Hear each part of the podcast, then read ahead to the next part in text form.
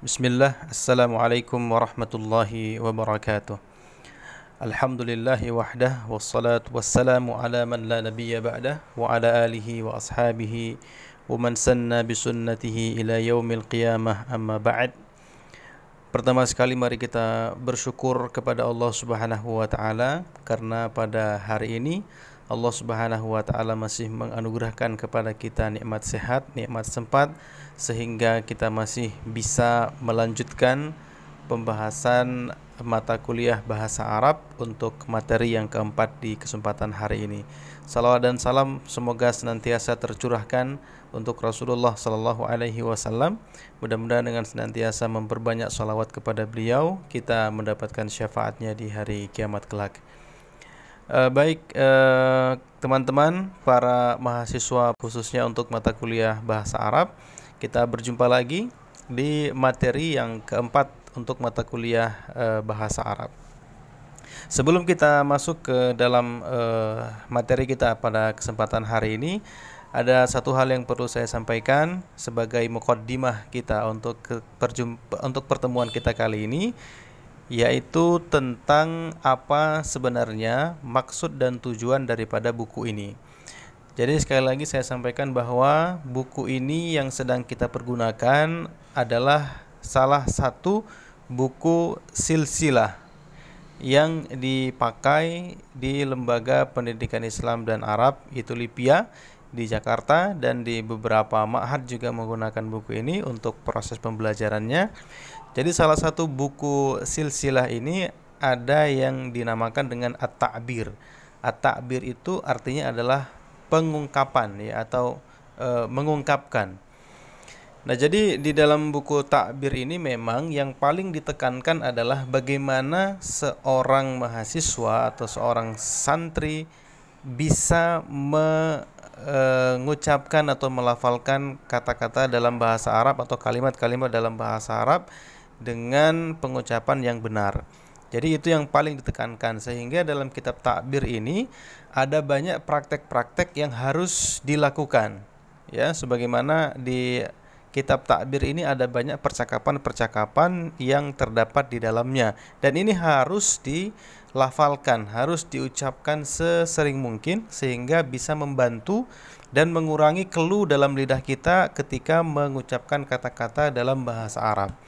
Karena ada orang yang eh, ketika belum sering mengucapkan kalimat-kalimat di dalam bahasa Arab, ini pasti akan terlihat perbedaannya dengan orang yang sering melafalkan atau sering mengucapkan kalimat-kalimat di dalam bahasa Arab. Sehingga inilah eh, salah satu rahasia dari kitab uh, At-Ta'bir dan salah satu tujuan daripada kitab Ta'bir ini. Tapi walaupun begitu, teman-teman sekalian, bukan berarti dalam kitab takbir ini tidak ada dimasukkan di dalamnya pelajaran-pelajaran tentang ilmu nahu dan juga ilmu sorob. Tetap ada di dalamnya, makanya selalu kita sampaikan di dalam setiap materi ada susunan ilmu nahu dan ilmu sorob yang terdapat di dalam setiap materi yang ada di dalam buku ini. Tapi memang pembahasan tentang e, materi nahu dan sorob itu adalah merupakan pembahasan yang sangat dasar sekali, yang sangat awal sekali, yang sangat mula sekali karena memang ini diperuntukkan untuk semester-semester pertama.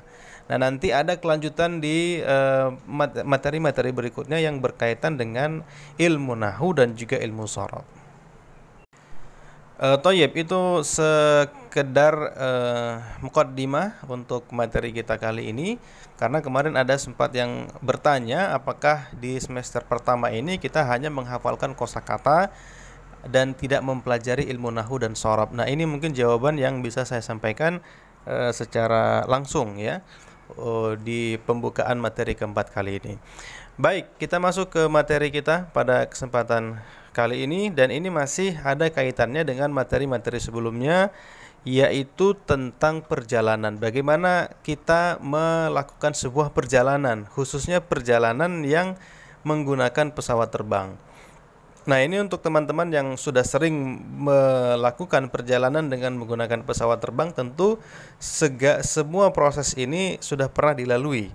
Tapi mungkin untuk teman-teman yang belum pernah sama sekali melakukan perjalanan dengan menggunakan pesawat terbang, mungkin ini menjadi penting ya sebagai uh, bahan tambahan ilmu untuk teman-teman semua sehingga bisa nantinya uh, mengikuti prosedur-prosedur uh, ataupun hal-hal yang berkaitan dengan apa yang harus kita persiapkan sebelum kita melakukan perjalanan, khususnya perjalanan ke luar negeri karena yang kita bahas di sini adalah perjalanan ke luar negeri ya, bukan perjalanan di dalam negeri. Baik, kita masuk di Ad-Dar Sustalis yaitu pelajaran yang ketiga fi bahwi atau salati as-safar. Ya, bahun itu artinya adalah e, ruang ya atau ruang tunggu ya. As-safar artinya adalah perjalanan. Jadi ini sudah sampai ke ruang tunggu perjalanan. Nah, yang pertama di sini ada al-kalimatul jadidah seperti biasa ada kosakata baru. Beberapa kosakata ini silakan dihafalkan, silakan dilafalkan dan silakan dipraktekkan dalam kehidupan sehari-hari. Di sini sudah saya uh, tuliskan terjemahan di setiap kata. Ya, ada wadha'a yadha'u, ini artinya adalah meletakkan. Kemudian al-mizan, ini artinya adalah timbangan. Kemudian al-waznu artinya adalah berat kemudian az-zaid yaitu kelebihan ya. Kelebihan.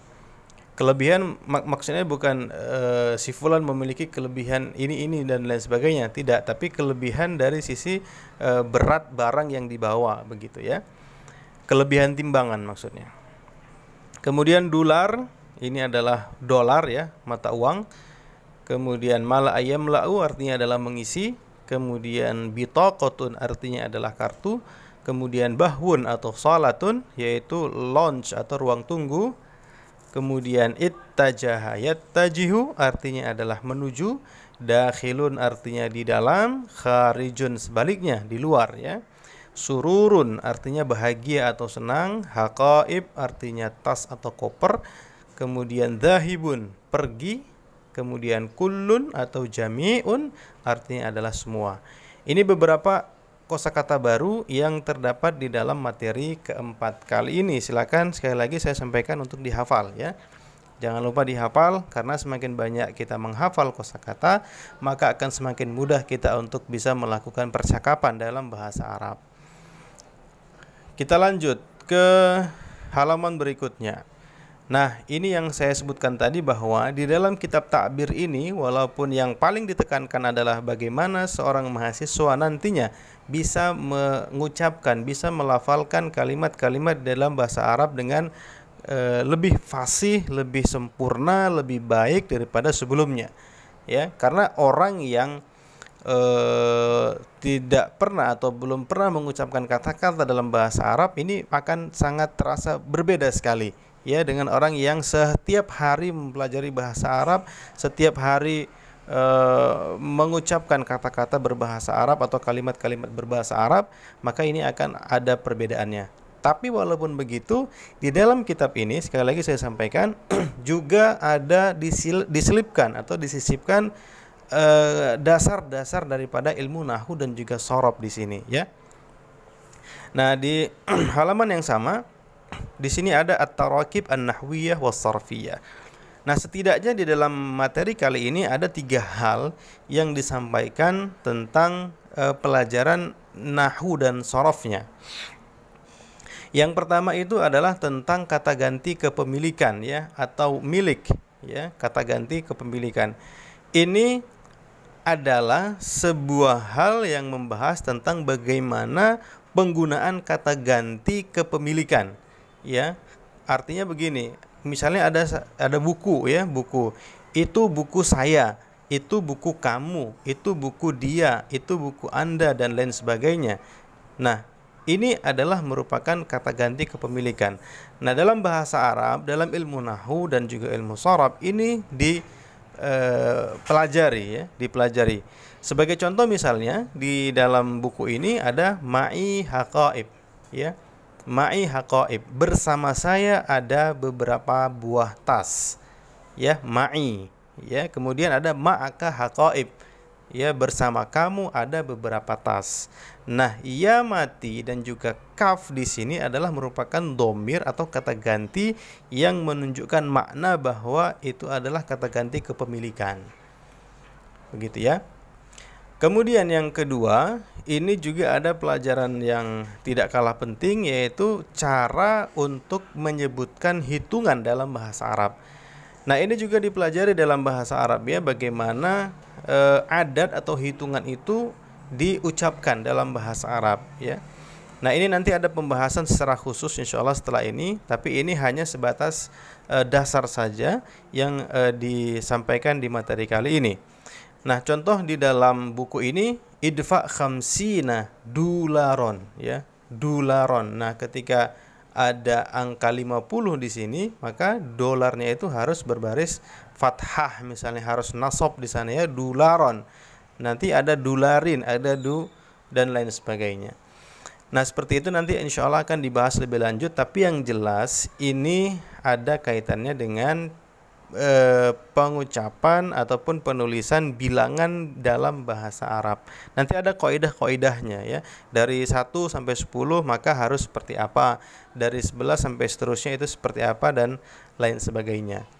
Kemudian yang ketiga ya pelajaran yang e, berkaitan dengan ilmu nahu dan sorab dalam materi kali ini adalah tentang fa'il ya fa'il atau pelaku. Orang yang melakukan suatu pekerjaan. Nah, dalam hal ini contohnya seperti misalnya uh, ada satu fi'il atau kata kerja zahaba yang artinya pergi, kemudian di di sini diberi contoh zahibun. Nah, ketika dia berubah menjadi zahibun, maka wazan atau timbangannya adalah fa'ilun, yaitu fa'il ataupun pelaku. Ya, ketika zahaba artinya pergi, maka zahibun artinya adalah orang yang pergi. Ya, orang yang pergi karena dialah yang melakukan pekerjaan e, pergi itu. Nah, setidaknya ada tiga hal inilah yang dipelajari di dalam materi kali ini tentang uh, nahu dan juga sorofnya. Baik, kita lanjut ke halaman berikutnya. Ini ada al-hiwar seperti biasa ya. Ada al-hiwar, ini mohon dibaca ya, percakapan antara Mahmud dan pegawai di ruang tunggu perjalanan. Ini penting sekali teman-teman semua untuk diucapkan, dilafalkan dengan sekeras-keras mungkin nanti eh, baik di rumah atau di mana pun sehingga ini sekali lagi bisa melatih antum semua dalam pengucapan kalimat-kalimat berbahasa Arab ya. Kalau tidak percaya nanti silakan dipraktekkan ya. Baik, saya akan bacakan mudah-mudahan Anda bisa mengikutinya ada si Mahmud dengan si pegawai. Mahmud mengatakan lau samahta ana dzahibun ila riyad. Ya, ini lau samahta ini uh, semacam basa-basi kalau kita permisi begitu ya. Permisi mohon maaf begitu ya artinya ya. Lau samahta. Ya, ana dzahibun ila riyad. Saya akan pergi ke Riyadh. Ana dzahibun ya, ana dzahibun ila riyad. Saya pergi ke Riyadh. Kemudian si pegawai atau al-muwazzab artinya adalah pegawai mengatakan at-tadhkirata wa jawaz safar min fadlik ya. Jadi uh, pegawai kemudian mengatakan untuk uh, meminta Mahmud untuk mengeluarkan uh, tiket ya at-tazkirah itu adalah tiket kemudian uh, jawaz safar itu artinya adalah paspor ya. Kemudian Mahmud mengatakan tafaddal, silahkan ya. Ditunjukkan oleh Mahmud tiket dan juga paspornya. Kemudian uh, si pegawai ini mengatakan aina haqa ibuka? Ya aina di mana haqa ibuka? Koper ataupun tas-tas kamu ya. Ini haqaib jamak daripada hakibah. Hakibatun artinya adalah tas, haqaib artinya adalah uh, ada banyak tas ya. Aina haqqa ibuka di mana tas-tas kamu. Kemudian di halaman berikutnya Mahmud mengatakan ma'i haqibatun wahidatun. Ya, ini uh, contoh juga daripada uh, pengucapan uh, bilangan ya dalam bahasa Arab kemudian kata ganti kepemilikan. Ma'i ya, ma'i haqibatun wahidatun. Ya, bersama saya ada satu buah tas ya. Kemudian doha alal mizan, letakkanlah tas itu di atas timbangan, kata si pegawai. Al waznu zaidu ashratu kilowatt. Ya, jadi setelah setelah ditimbang ternyata al waznu zaid ya e, tim berat yang kelebihan berat daripada tas ini adalah ashru ashratu kilowatin. Nah, ini juga adalah merupakan salah satu contoh daripada penggunaan ataupun e, bilangan dalam bahasa Arab. Ketika 10 maka e, kata sesudahnya itu harus berbentuk jamak, kemudian harus berbaris kasroh ya asyratu kiluwatin. Nah, seperti itu. Idfa khamsina dolaran, bayarlah 50 dolar. Kemudian Mahmud mengatakan tafaddal silahkan wal an imla bitaqat ad-dukhul summa ittajih ila bahwi aw salatil musafirin. Wal an dan sekarang imla isilah bitaqat ad-dukhul e, kartu masuk ya. Summa ittajih kemudian e, berjalanlah menuju ila ke bahwi atau salat al musafirin ruang tunggu e, musafir ya atau orang-orang yang akan melakukan perjalanan. Itu percakapan antara Mahmud dan Muwazzab ya di uh, Salah As-Safar. Nah, kemudian ini ada Mahmud fi dakhili bahwi al al-jawazat ya. Ini ada Mahmud yang berada di dalam uh, ruang tunggu uh, pemeriksaan paspor. Nah, jadi sesudah tadi dipersilahkan untuk menunggu, si Mahmud kemudian diperiksa lagi e, paspornya ya. Hal tasmahu bil jawazi wa bitaqatil mughadarah ini e, pegawai di ruang e, pemeriksaan paspor tadi bertanya, "Hal tasmahu apakah kamu mengizinkan bil jawazi wa bitaqatil mughadarah untuk menunjukkan paspor dan kartu keberangkatan ya?" Kemudian Mahmud mengatakan bikulli sururin ya bikulli sururin ini artinya adalah dengan senang hati. Muazzab mengatakan pegawai tadi mengatakan hasanan baiklah udkhul ila bahwil mugodarah masuklah ke ruang keberangkatan ya.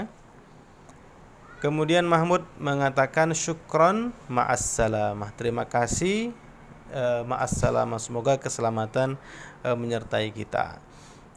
Baik, itu adalah percakapan antara Mahmud dengan pegawai yang ada di ruang pemeriksaan e, paspor ya. Baik, selanjutnya ini juga penting ya. Ada istami' waradid, dengarkan dan ikuti ya. Nah, ini di sini ada contoh-contoh kata ganti kepemilikan yang tadi kita sampaikan ap, uh, kalau misalnya ana atau saya itu pakai apa, kemudian nahnu atau kita itu pakai apa, kemudian anta dan seterusnya. Nah, ini uh, contoh yang pertama adalah ana ya. Ana berarti ma'i haqa ibu. Kemudian nahnu berarti ma'ana haqa ibu. Ini kalau nahnu. Kemudian apabila anta maka menjadi anta ma'aka haqa ibu. Anti ma'aki haqaibu ya antum ma'akum haqaibu antunna ma'akunna haqaibu an kemudian huwa ma'ahu haqaibu hiya ma'aha haqaibu hum ma'ahum haqaibu dan hunna ma'ahunna haqaibu ini e, beberapa domir ataupun kata ganti kepemilikan ya silakan dipraktekkan di kata-kata yang lainnya ya ma'aka, ma'i, ma'akum, ma'akunna dan lain sebagainya. Ini silakan di uh, ucapkan ya. Baik, berikutnya ini ada bahan bacaan, silakan dibaca. Ada kosakata baru juga di sini, ada al-khutut al-jawiyah, ada rakmun, bawabatun, musafir, su'ud, a'lana, yu'linu dan seterusnya sampai absyun ya. Ini juga silakan dihafalkan ada kosakata-kosakata baru untuk teman-teman yang belum pernah menjumpai kosakata-kosakata ini. Kemudian ini juga penting dibaca ya. E, ini adalah ringkasan dari apa yang tadi sudah kita sampaikan yaitu untuk dibaca oleh teman-teman semua. Arada Mahmudun as-safara ila Riyadhi. Si Mahmud ingin melakukan perjalanan ke Riyadh. Fahadara ila bahwis safar. Maka dia datang ke uh, ruang tunggu perjalanan. Wasallamal muwadzab jawaza safarihi wa tadhkiratahu. Kemudian uh, pegawai yang ada di sana memberikan uh, paspor dan juga tiket untuknya. Summa wazana ibahu kemudian pegawai tersebut menimbang e, tas yang dibawanya wadafa khamsina dolaron kemudian si Mahmud membayar 50 dolar qimatal abshi az-zaid e, yaitu e, nilai yang harus dia berikan untuk barang yang kelebihan timbangannya. Summa tasallama bitaqatal mughadarati wa mala'aha. Kemudian si Mahmud mengambil e, kartu keberangkatan dan mengisinya. Summa marra ala dhabitil jawazat. Kemudian si Mahmud melewati e, petugas penjaga paspor. Wa ba'da dzalika tawajjaha ila bahwil musafirin. Kemudian si Mahmud setelah itu menuju ke ruang tunggu e, musafir atau orang yang akan bepergian wa ba'da sa'atin sami'an nida at-tali dan setelah satu jam si Mahmud mendengarkan panggilan seperti ini. Tu'linu al-khututul arabiyyatus su'udiyah an qiyami rihlatiha raqma tis'in. Ya. Uh, jalur penerbangan ya ke Arab Saudi mengumumkan ya bahwa uh, perjalanannya perjalanan nomor 90 dan seterusnya dan seterusnya. Ini silakan dibaca dan uh, tadi terjemahannya sudah saya sampaikan. Jika ada yang kurang jelas silakan disampaikan di kolom komentar. Insya Allah nanti kita akan uh, jawab dan kita akan uh, bahas semampu kita insya Allah dan apabila ada hal-hal yang kurang jelas nanti insya Allah akan kita sampaikan di lain kesempatan. Terima kasih. Jazakumullahu khairan wa sallallahu ala nabiyyina Muhammad. Subhanakallahumma wa bihamdik asyhadu an la ilaha illa anta astaghfiruka wa atubu ilaik. Assalamualaikum warahmatullahi wabarakatuh.